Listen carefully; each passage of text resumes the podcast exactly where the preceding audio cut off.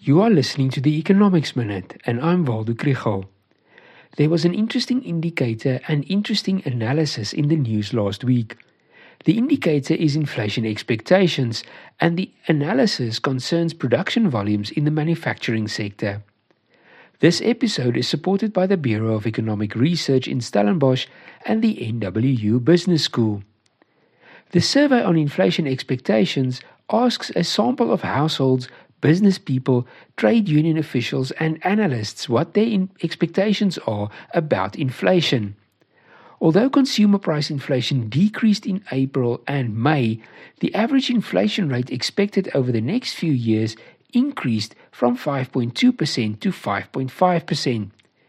It is especially households that expect high inflation, but the other participants in the survey's inflation expectations for 2023, 24, and 2025 are higher than they were in the first quarter. This is not good news for the next repo rate decision. If people expect high levels of inflation, businesses adjust their prices accordingly, and workers their salary expectations. The interesting analysis of production volumes was by Isaah Mhlanga of RMB. He finds that the volume of production has remained fairly resistant to load shedding. Production volumes in total are still lower than in 2019, but there are subsectors where load shedding seems to have less of an impact. He attributes this to adjustments in production processes and companies' investment in their own generation capacity.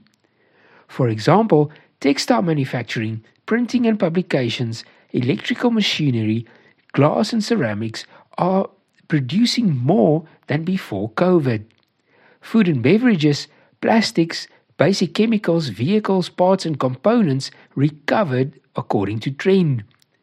About 35% of manufacturing still struggles, and this includes industries such as petroleum and rubber, basic iron and steel, furniture, radio, TV, and professional equipment.